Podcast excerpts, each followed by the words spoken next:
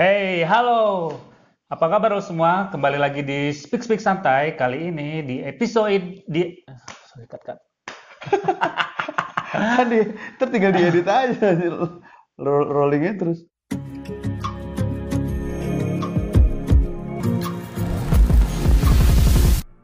Hey, halo. Apa kabar lo semua? Kali ini di podcast Speak Speak Santai, gua udah menghadirkan seorang yang pesona ketampanannya udah udah terkenal banget sampai ke seluruh Nusantara nih gitu. Nah, siapa dia? Silakan memperkenalkan diri, Mas Bro. saya Ciko Jericho Idis. tonton saya di Filosofi Kopi bersama Rio Dewanto Jangan ini lupa ada nonton- ada na- namanya sini nih tuh ada namanya Yeah. Jangan lupa nonton Pretty Boys. betul Oke, Mas Bro. ya Pada awal karirnya nih kan eh, lu dikenal sebagai penyiar radio gitu Hmm. kan. Nah, motivasinya apa sih Mas Bro? Awalnya gitu kan ingin jadi penyiar radio itu gitu. motivasinya selalu uang uang uang money money money money cering cering cering cering cering Ya, apa? Soalnya gini. eh setahu setahu gue gitu kan kalau gue gitu, Mas Mhm. Bro, eh, kalau masa kecil gitu kan, misalnya ditanya cita-citanya, eh eh, kamu mau cita-cita mau jadi apa gitu kan? Jadi dokter lah, tentara lah gitu kan ya, guru lah apa segala macam untuk menjadi seorang penyiar mungkin orang nggak nggak kepikiran gitu anak kecil pada saat itu gitu kan. Tapi eh, bagi Mas Imam Darto sendiri gitu Mhm. eh, masuk berkecimpung di dunia itu gitu. Awalnya juga eh, gara-gara sebenarnya nggak kepikiran, cuma waktu SMA itu eh di suatu kesempatan tiba-tiba disuruh nge-MC karena di waktu SMA udah nggak punya urat palu, jadi ya sikat-sikat aja. Eh ternyata bagus. Terus sejak itu dipakai terus buat acara sekolah, sekolah sendiri. Eh terus Sebagai MC sebagai terus. MC, eh terus diundang sama sekolah lain juga buat sebagai MC. Jadi dari SMA tuh udah nge-MC nge-MC nge-MC nge-MC terus mulai nge-MC ke acara-acara ulang tahun, terus acara event-event. Berarti dari SMA udah ngasilin Ya walaupun cuma 75.000 ribu gitu sekali nge-MC ya ya pada saat itu uang jajan segitu udah lumayan, lumayan, Iya kan? lumayan banget megang duit segitu.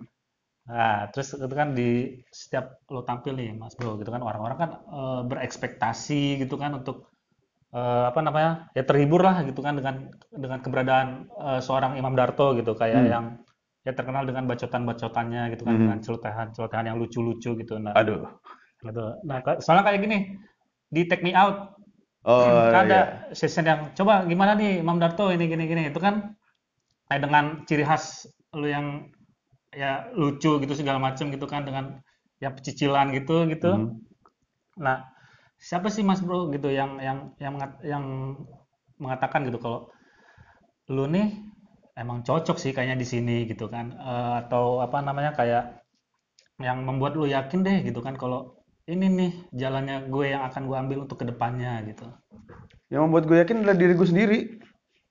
Karena waktu kuliah, Ah, waktu kuliah itu ditentang habis oleh keluarga, oleh ibu, Ah. oleh kakak, eh, karena waktu itu udah mulai kuliah sambil siaran. ah, Terus ya gaji siaran waktu itu pertama gaji pertama gue inget banget 350.000 ribu sebulan. sebulan. Dibeliin jam tangan langsung habis. Cuma gue bangga banget sama jam tangan itu.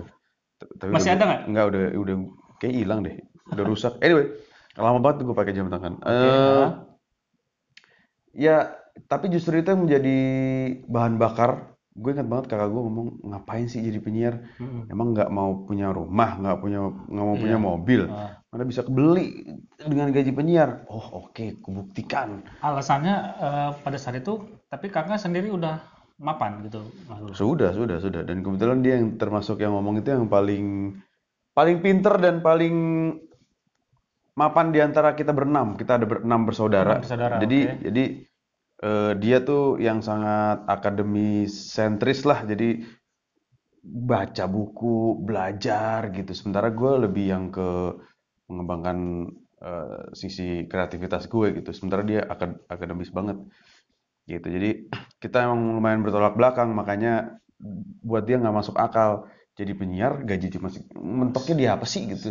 Cuma Mana bisa? gaji cuma sekian gitu ya gitu kan. Apakah Iya, mana bisa beli mobil, mana bisa beli rumah dan segala macam ya. Membuktikan akhirnya bisa kok kebeli gitu. Itu dalam setiap pembuktiannya berarti eh, banyak tantangan-tantangan banget gitu ya, Mas Bro. Kayak misalkan kayak gimana sih Mas Bro? Gitu kan misalkan pergi pesiar nih, punya pergi eh, untuk Siaran. siaran. Mm-mm. Itu eh, apa yang dilakukan nyokap atau yang dilakukan kakak gitu? Ya enggak sih maksudnya eh, enggak yang selalu di intinya mereka basically fokuslah sama kuliah gitu. Eh, sementara gue bilang Dulu ya pas kuliah ngambil apa Mas Bro jurusannya? information technology, teknologi informasi, tekno apa Oh, IT. komputer IT nggak ada hubungannya sama sekali sama. Sekarang IT banyak dibutuhin banget ya. Eh, iya. Cuma waktu itu begitu udah pada akhirnya eh, fokuslah sama kuliah Kuliah, gini-gini oke. soalnya kuliah kan Ah, udah dibayarin oke kok gitu gue bayar sendiri gitu nah begitu gue udah mulai kuliah gue bayar sendiri ya udah udah mulai mereda tuh Eh, ya kan pada akhirnya ya terserah pressure udah mulai pressure udah mulai di Mm-mm. di rumah udah mulai mereda tuh ya. terserah gue orang kuliah gue bayar pakai duit gue sendiri kayak mau selesainya empat tahun kayak tapi alhamdulillah selesainya empat setengah tahun nggak nggak nggak Nggak molor-molor amat Ya, gitu ya. karena gue juga nggak nggak nggak pengen udah saking muaknya di tempat itu aduh gue pengen buru-buru selesai biar bisa gue fokus ke dunia ini gitu yaitu siaran Oke Mas Bro ini sebenarnya pertanyaan titipan nih gitu kan. Eh lo kan ya gue ngeliat di IG-nya eh, Mas Bro sendiri gitu kan kan suka touring nih Mhm. di YouTube juga di channel YouTube-nya juga touring pergi ke mana naik motor mana gitu kan ntar udah di mana lagi gitu kan and then ke mana lagi gitu nah Mhm. sebagai anak motor yang memang eh, motor bikers gitu kan Mhm. motor bike gitu nah hobinya itu memang untuk apa yang gue tahu kalau anak motor itu kan biasanya keseringan nongkrong di bengkel gitu kan Mhm. nongkrong di bengkel-bengkel kayak eh, benerin knalpot lah gitu kan ganti silakan lo ganti apa tangki bensin lah Hmm. gitu kan nah kalau lu kan banyak tuh touring-touring Mhm. itu emang sebagai ajang seru-seruan aja atau memang pengen dikenal sebagai anak motor sih gitu eh sama seperti yang selalu gue lakukan sama hobi-hobi gue yang lain, Hmm. itu gue harus memastikan bahwa hobi gue itu menghasilkan. Kayak waktu zaman gue eh, masih siaran, ya gue hobi eh, keluar malam, maksudnya hobi ke night club gitu, hobi party karena emang gue suka musiknya dan gue suka life lifestyle-nya night scene dan gue suka ngeliatin DJ main gitu. oke Gue ngeliatin DJ main, kayaknya seru, aku pengen jadi DJ. Terus gue mulai eh, beli set-setnya, itu kan lumayan mahal tuh. Ih, mahal banget Terus lu, terus gue gue nggak mungkin ngeluarin duit segini kalau nggak balik, harus balik. Ya udah akhirnya gue menjadi DJ beneran dan menghasilkan gitu. Sama dengan dengan di motor, gue suka motor, gue mau koleksi motor, gue mau punya motor, mau gonta-ganti motor, tapi gimana caranya ya? Supaya gue nggak keluar dari duit gue gitu. Ya ya udah berarti gue membranding gue sebagai anak motor bahwa eh gue bisa terasosiasikan dengan brand-brand yang membutuhkan, membutuhkan jasa gue sebagai ikonnya, sebagai influencernya, yang pada akhirnya ya begitu bisa dapat harga, bisa dapat motor harga setengah harga. oh ngomong-ngomong branding nih mas bu gua ada kaos Wah, kaos polos. Mana brandingnya? Oh ini. Ini apa sih? podcast eh, podcastnya gue Podcast Mania. Apa namanya nih? Oh, Speak Speak Santai. AB Podcast. AB itu apa? Oh, Andri nama Bagja. lo. Yoi. Andri Bagja. AB Podcast. Speak Speak Santai. tuh Ya. Dia pakai Oh, standar sekali. Semua orang pada pakai yang ini. ini kau cuma tinggal di sablon. New stage upper. Thank you, bro. Thank you, thank you, thank you. Thank you. Semoga sukses dengan amin podcastnya. amin amin Ya gitu, pokoknya intinya gue memastikan bahwa hobi gue itu bisa menghasilkan dan punya berapa terbukti. koleksi motor mas bro Sekarang itu ada tujuh. Wadaw, wadidaw, tujuh men gitu kan. Nah, Yang satu belum datang. ada yang pernah di, ada gue belum belum tahu nih. Ada yang pernah di custom sama itu nggak eh, Borvero? Eh, ingin cuma kayaknya gue nggak sabar nunggunya deh. Karena dia tuh seniman banget kan. ya, Eh, Vero tuh seniman sekali gitu. Jadi untuk dia bisa progres dalam karyanya dia tuh dia butuh mood. Kalau di hari ini mood, ya nggak dikerjain, nggak dipegang motor lo. Kalau besok mood ya nggak. Kalau misalnya sebulan mood ya nggak dipegang. Ntar begitu dia dapet inspirasi, ah baru dikerjain. Terus habis itu nggak dapet mood lagi ngerjain. Ah gue ngerjain yang ini ah gitu. Jadi ngerjain di Vero tuh harus sabar sekali. Bisa sampai kalau nggak salah gue denger ya bisa sampai 2 tahun. Jadi aduh kalau 2 tahun aku keburu tua. terus terus Motor eh, motor apa nih yang yang paling apa yang paling yang pengen di ini nama Mas Bro? yang di di ini tuh dia main. Apa maksudnya eh, jenis motornya kayak gimana sih gitu yang yang Mas Bro sangat suka gitu? Ada Hmm, model-model kayak misalkan model Harley lah yang gini atau model Triumph lah gitu kan? eh apa ya? Hampir semuanya sih udah udah udah dicicipin maksudnya Harley yang tahun muda udah sekarang lagi lagi punya Harley yang BMW klasik gitu kan? BM BMW BMW belum sih BMW yang pengen sih cuma kayak belum kayak membutuhkan ekstra ekstra waktu dan tenaga dan ya ny- sekarang miara Harley tua aja dulu main repot bolak-balik bengkel Ah, mulu. Tapi sekarang lagi suka lebih ke motor yang medium size cc-nya Oh, karena oke oke oke. eh, nggak berat, Ah, gam- masih gampang bermanuver, cuma ya. begitu ditarik juga masih ada tenaganya. Kayak Yamaha XS 650 cc itu juga Hmm. enak. Kemarin nyobain Royal Enfield Continental yang 6,5 cc itu juga Oh, enak ternyata buat eh, touring ke dari Labuan Bajo ke oh ya, Atambua kemarin. gua ngeliat tuh. Mm-mm, itu. Kenikmatannya apa sih Mas Bro? Dengan perjalanan jauh segala macam naik motor gitu, panas, debu segala macam. Kenikmatannya tuh ya memang di satu pasti akan nemu momen-momen yang eh, apa namanya eh ya anjir panas banget nih gila. Ah, Terus juga yang ngantuk-ngantuk itu bisa kadang-kadang ngantuk itu ngantuk bener-bener parah soalnya. ngantuk nggak bisa dilawan. Ah, Sampai teriak-teriak dalam helm juga nggak nggak ngefek gitu. Eh cuma apa ya berada kadang-kadang dari seluruh bisa dari satu hari berkendara tuh hanya butuh momen sekitar sekian menit lah mhm. untuk mendapatkan golden moment yang gue bilang. Karena kalau misalnya semua elemen bersatu dengan pas, misalnya jalanannya lagi enak, Ya, terus ya motornya enak tentu saja, jalanannya ya. lagi enak, terus dengerin lagu, biasanya gue sambil dengerin lagu, Oh, dapat oke. dapat lagu yang enak, gitu ya. dapat lagu yang enak, terus biasanya gue paling enak tuh eh, momen berkendara tuh kalau yang udah jam 4, jam 5 itu mendekati sunset itu enak banget. Jadi pas dapat lagu yang enak, pas dapat matahari yang enak, jalanan enak, wah itu ini Momen ya. ini dia nih gitu. Yang gue dari pagi gue riding tuh ya gue nung- nungguin ini doang gitu. Habis itu begitu udah lewat, seng ya udah. Tapi ya itu yang selalu gue kejar. Momennya itu Mm-mm, ya. mm-mm. Nah, eh, terus eh, lu kan dikenal sebagai presenter lah gitu kan, penyiar radio lah gitu kan, komedian lah gitu kan. Terus sekarang eh, sebagai aktor juga gitu. Mhm, Nah, apalagi sekarang lagi menjalani debut scriptwriter, mm-mm, penulis skenario. mm. penulis se- skrip di film gitu. Nah, sebenarnya lo itu apa sih Mas Bro? Semua semua dilakuin gitu kayak waktu banyak bet gitu. saya tuh pemburu cuan. Ya, Ah, i- emang gitu sih gue nggak pernah nggak pernah bisa diam dari dulu pengen pengen pengen selalu nyobain ini nyobain selalu itu. explore. Iya, karena dulu kayak misalnya eh, siaran, begitu gue Hmm, jadi penyiar, gue tuh hmm, nggak cuma pengen nyobain penyiar siaran doang, Eh, eh, penyiar terus gue cobain dunia masuk ke dunia eh, voice over buat iklan, hmm. terus masuk ke dunia itu tadi musik lewat DJ, Iya, masuk ke dunia eh, televisi dan film lewat penulisan. penulis. Karena gue udah nulis dari tahun 2005 sebenarnya. Oh iya, Nulis, iya. Jadi waktu itu ada challenge apa? Gue sikat aja. eh, nulis film awalnya nulis Sandiwara Radio dulu. Oh, Awalnya oke. nulis Sandiwara Radio di Ah, Prambors. Ditawarin, siapa yang mau nulis? Gue mau gitu. hmm. Awal-awal nulis, justru gue yang paling jelek di antara semua. Kacrut deh ya. Yang paling ada misalnya ada lima penulis anak-anak baru Ah, nih, gue yang paling jelek. Lu nggak bisa gitu. Akhirnya diajarin, diajarin. Oh gitu cari. Oke sip itu sip. ada kerangkanya.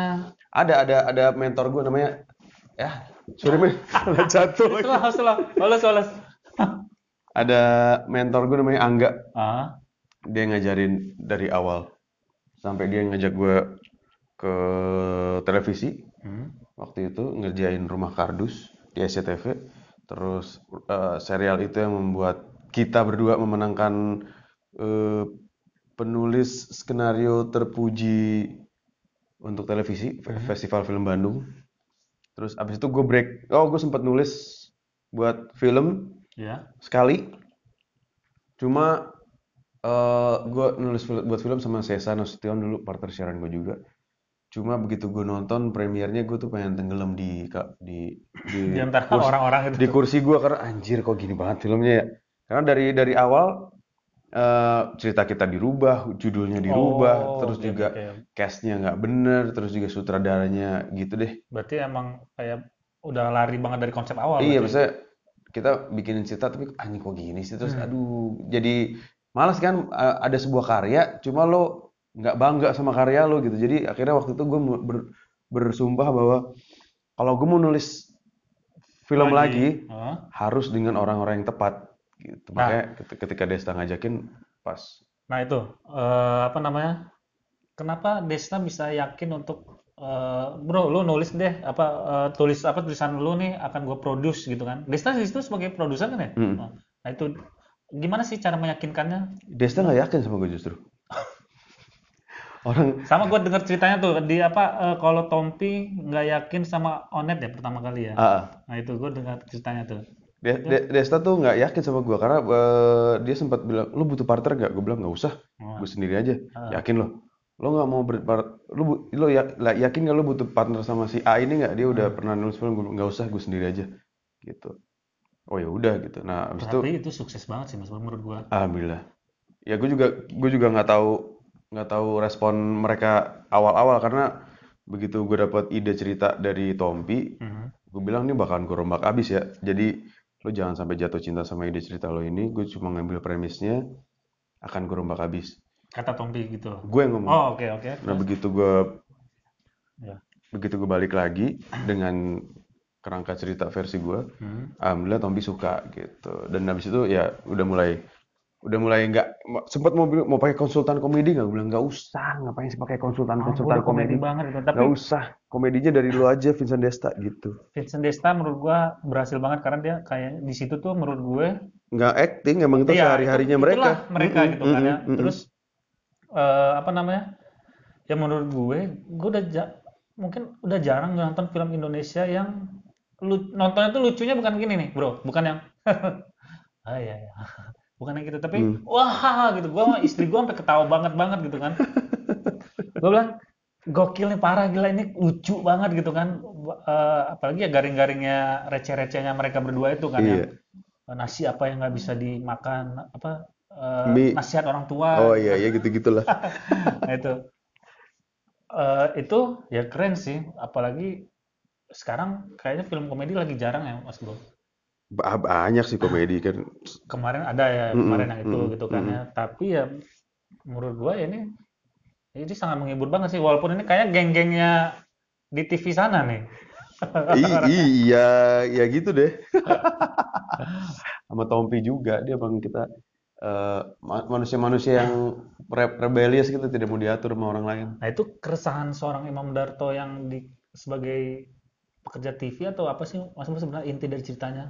Ya iya, eh ya itu basically hal yang gue perhatikan selama selama berkecimpung di dunia televisi Hmm. bahwa hal-hal sesimpel kayak eh eh, si duit lo gue potong 50% ya 50 ribu buat gue buat si koordinatornya gitu. Ya emang begitu.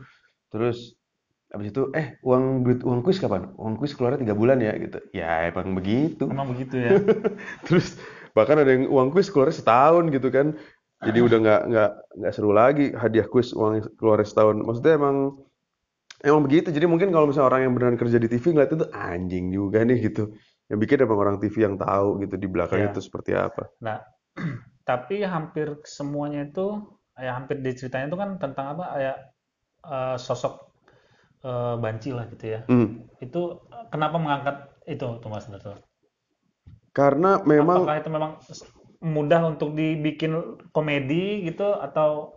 Karena memang di di balik layar Wah, televisi di di balik layar e- ekosistem pertelevisian Hmm.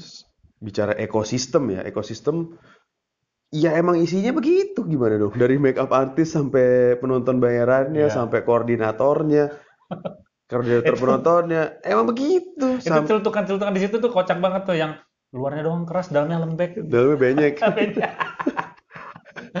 ya em- emang gitu sampai ke talent talent artisnya juga segala macam ya. ya emang emang begitu dan emang pada akhirnya itu yang dijadiin eh, penghambat karakter si Anugrah ini atau si Vincent ini untuk Iya. untuk mencapai cita-citanya oh ternyata untuk bisa masuk TV kok kayak begini sih caranya itu yang jadi pergolakan Ya, ya, ya. gitu Nah, untuk fashion sendiri nih, Hmm. bro.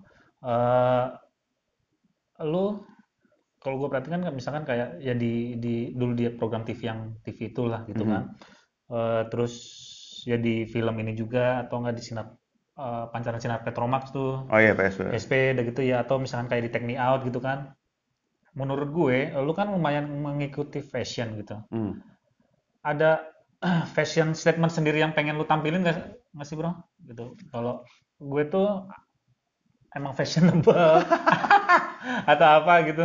fashionable sih ya eh apa ya ya Harus mahal nggak sih bro? Menurut lo sebuah enggak sih fashion Eng- enggak enggak enggak mahal enggak gue nggak gue nggak pernah beli barang-barang branded yang mahal-mahal banget gitu Mhm. karena yang yang penting gue suka oh suka fashionnya dan matching karena biasanya gue dulu waktu gue sama Danang tuh kebalik. Dia yang lebih muda daripada gue cuma dia yang kelihatan lebih tua.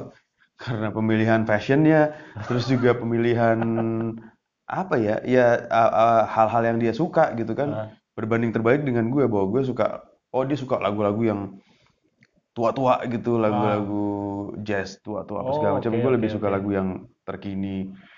Emang emang dari dalam jiwanya karena eh, usia itu eh, apa namanya usia tidak bisa dibendung cuma menjadi muda adalah pilihan asik Berarti fashion statementnya seorang Imam Darto itu gitu ya? yo Oke. Nah dari sisi pandangnya lu nih bro gitu kan, gimana sih supaya tetap eksis di dunia hiburan gitu? konsisten Oke? Hmm, konsisten eh, karena memang apa ya di dunia hiburan tuh apalagi semakin ke sini akan semakin banyak pelakunya. Jadi konsisten bergerak aja terus bergerak. Yang penting terus menghasilkan sesuatu, menghasilkan sebuah karya. Kalau nggak berhasil di karya ini ya mungkin di karya berikutnya. Kalau nggak berhasil mungkin di karya berikutnya. Kalau nggak berhasil ya mungkin di karya berikutnya gitu. Dan kadang-kadang Tetap gali potensi gitu. Iya, sebuah karya tuh butuh emang emang butuh waktu untuk berinkubasi dan pada akhirnya meledak. Gitu. Nah, kalau tips untuk anak-anak muda yang pengen menjalani karir di dunia hiburan, Apa? Oh iya. Eh bentar lagi baru selesai. Oke. Gimana? untuk anak-anak muda nih yang pengen menjalani karir di dunia hiburan gitu, punya tips and triknya nggak bro? Hmm, apa ya? Yang jelas sih Anak-anak muda sekarang kan apalagi senangnya startup tuh biasanya Hmm, gitu hmm. kan, melakukan startup gitu-gitu. Yang yang jelas sih eh, pastikan bahwa eh, itu adalah passion lo.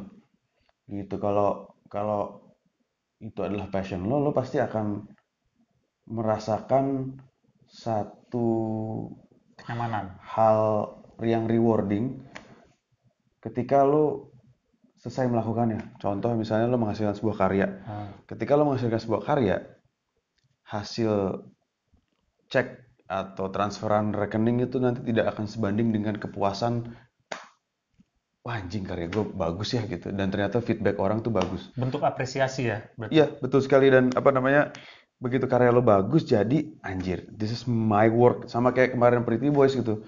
Itu bayinya kita semua.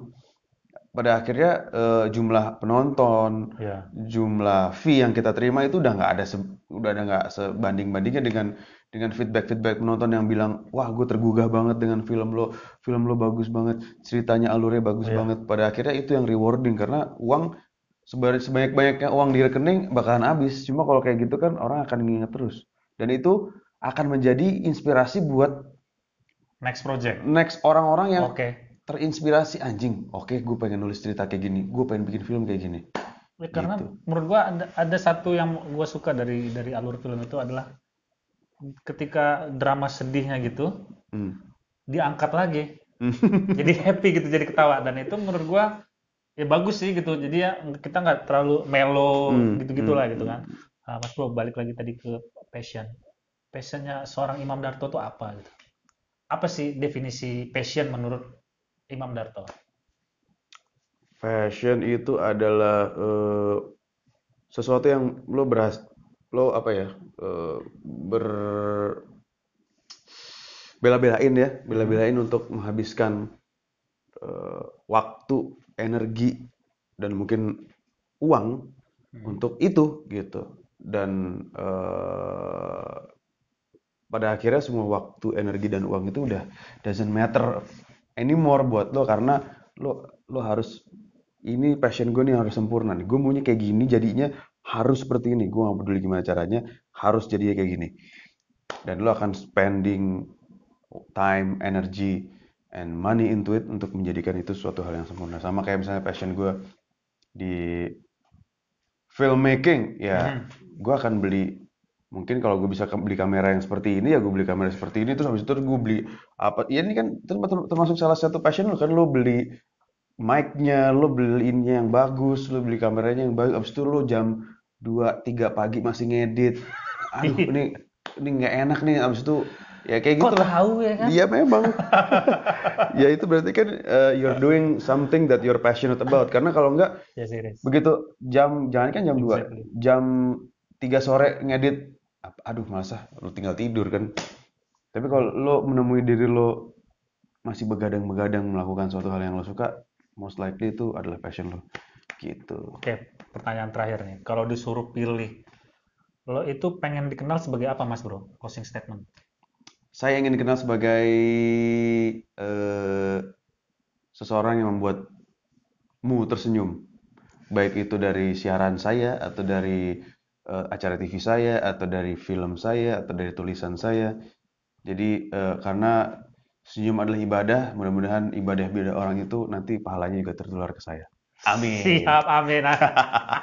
Thank you, Mas Terima kasih. Thank you. Terima kasih, terima kasih. Terima kasih yang sudah mendengarkan Good luck. Speak Speak Santai. Speak, speak santai. ya Wow, wow, kan? wow, wow, wow. So, see you. Sampai jumpa lagi.